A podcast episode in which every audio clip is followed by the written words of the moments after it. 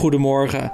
Pfizer-BioNTech begint met de distributie van het coronavaccin in de Europese Unie. En Marokko voert een avondklok in. En de Poolse rechtsstaat wordt langzaam maar zeker verder uitgekleed door de huidige regering. Belangrijke posities binnen de Poolse rechtsstaat zijn bij lange na niet meer gevuld met onafhankelijke rechters. Dat zegt John Morijn, bijzonder hoogleraar recht en politiek in de internationale betrekkingen aan de Rijksuniversiteit Groningen.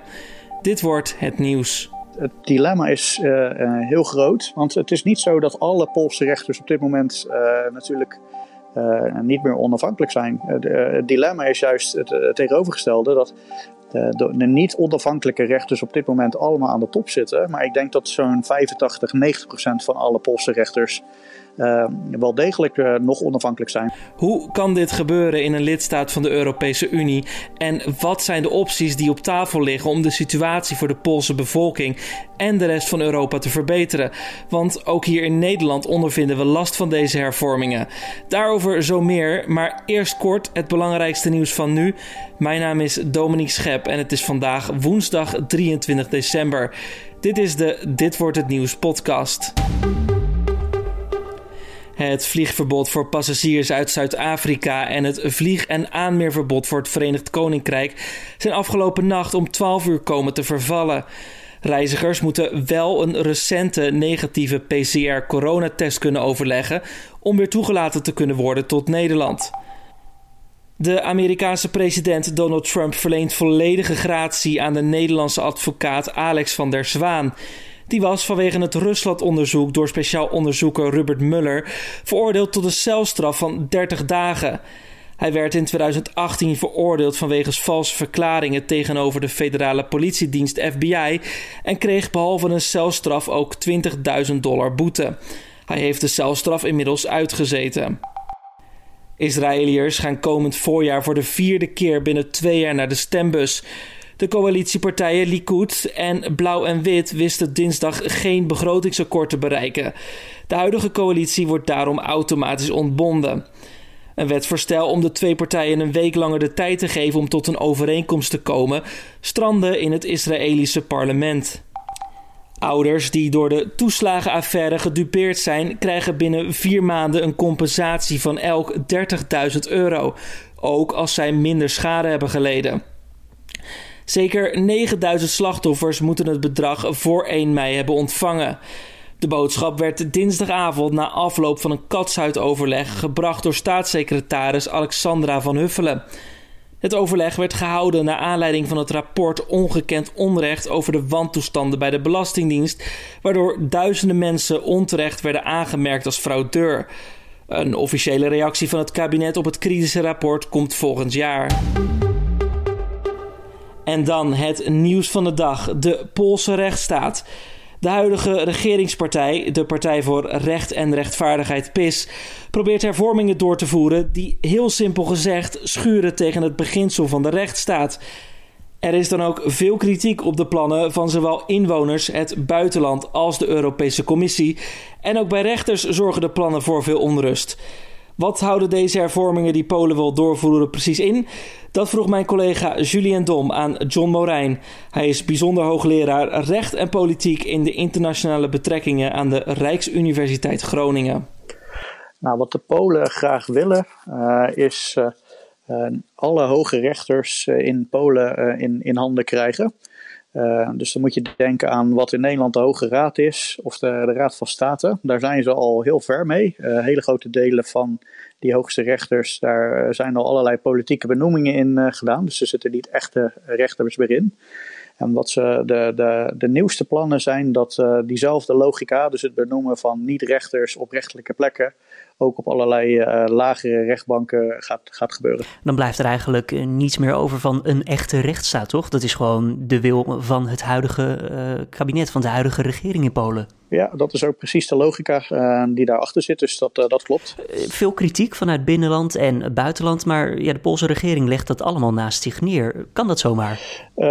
juridisch gezien kan dat zeker niet. Politiek gezien kan dat op dit moment nog wel. Waarom is dat? Omdat alle keren als Europese instellingen dit aankaarten en ook gelijk krijgen van de hoogste rechter van de Europese Unie, het Hof van Justitie, dan gaan ze daarna niet ook een dwangsom vragen. Dus dan gaan ze niet afdwingen het gelijk dat ze hebben gekregen. En daardoor kan Polen daarmee wegkomen zonder grote financiële consequenties. Eigenlijk dus een financiële consequentie is de enige troef die de Europese Commissie dan in handen zou hebben? Dat denk ik wel.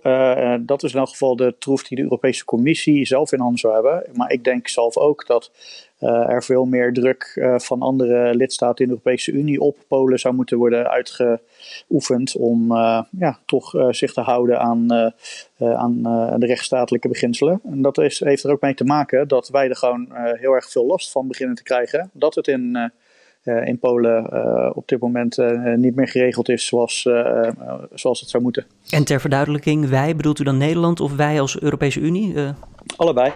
Maar eh, als we het even bij Nederland houden, uh, kan je op dit moment uh, denken aan dat de rechter in, in, in Amsterdam, die vaak te maken heeft met het overleveren van Poolse mensen aan, aan, aan Poolse rechters.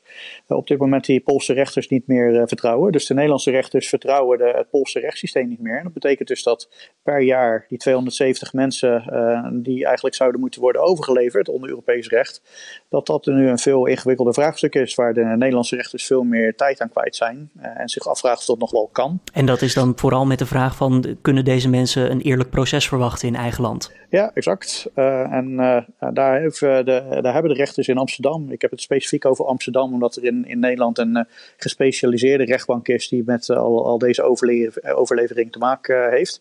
Dat heet de Internationale Rechtshulpkamer.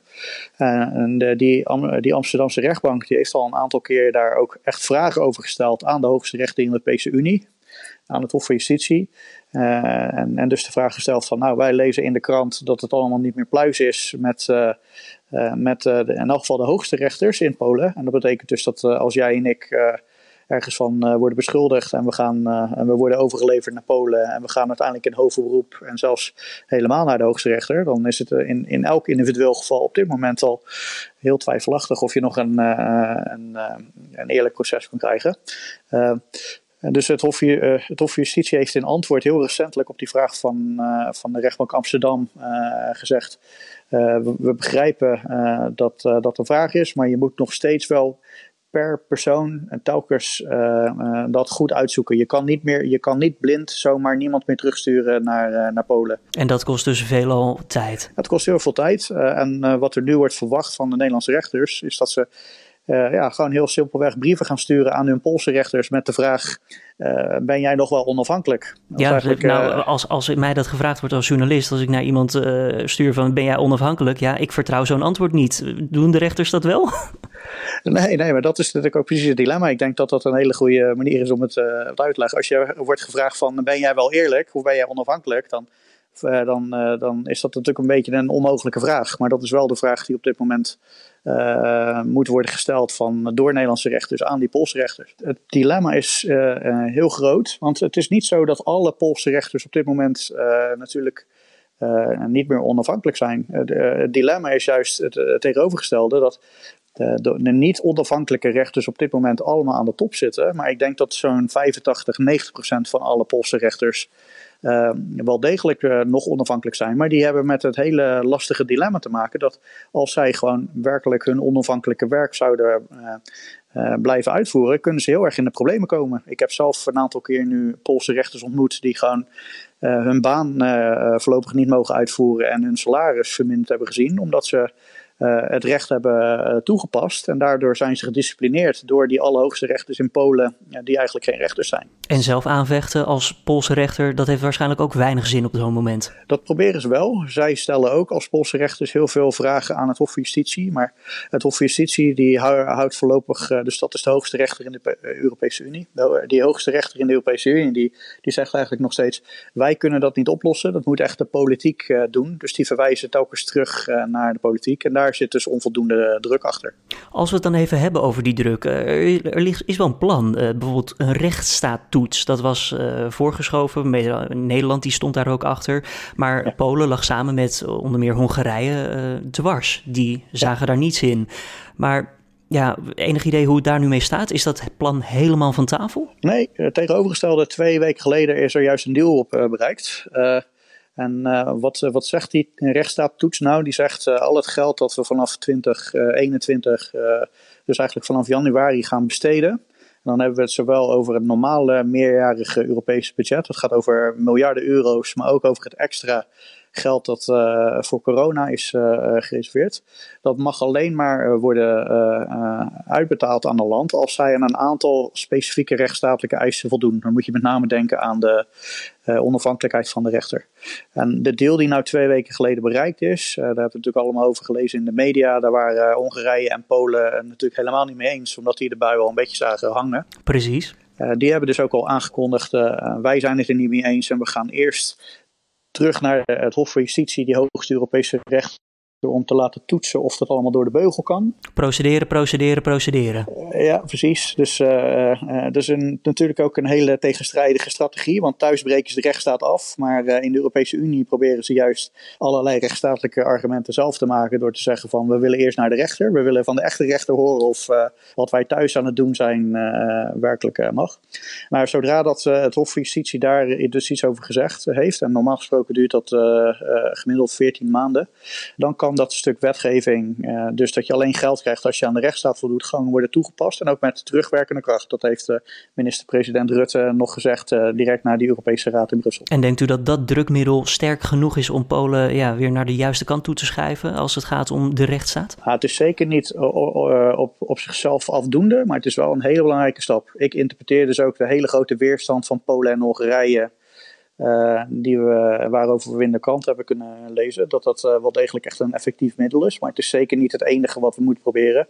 Uh, ook omdat in allebei die landen op een gegeven moment er ook verkiezingen aankomen. En we kosten, voor, kosten wat het kost moeten proberen te voorkomen dat de huidige regeringen daar aan de macht blijven. Omdat ik recentelijk ook in de, in de Tweede Kamer heb gezegd bij, de, bij een commissie die, die gaat over Europese zaken en justitie dat we op dit moment ons moeten realiseren dat door die ontwikkelingen in zowel Hongarije als Polen we op dit moment uh, als Nederland uh, die eh, twee lidstaten eigenlijk geen democratische rechtsstaat meer kunnen, kunnen noemen. En dat heeft hele vergaande consequenties. Hoor ik u dan ook eigenlijk zeggen dat we er niet van uit kunnen gaan dat er eerlijke verkiezingen zullen zijn voor de oppositie en de huidige regering? Ja, dat, dat hoor je me zeker zeggen. Ik denk dat dat. Ja, je, misschien kan je nog herinneren dat eerder dit jaar presidentsverkiezingen waren in Polen, die ter elfde uren werden afgezegd vanwege corona. In elk geval dat werd gezegd.